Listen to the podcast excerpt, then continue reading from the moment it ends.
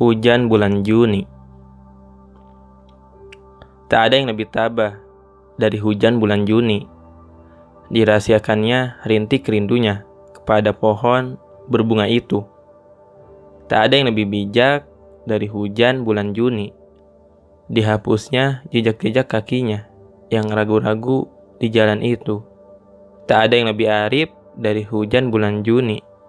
Dibiarkannya yang tak terucap diserap akar pohon bunga itu.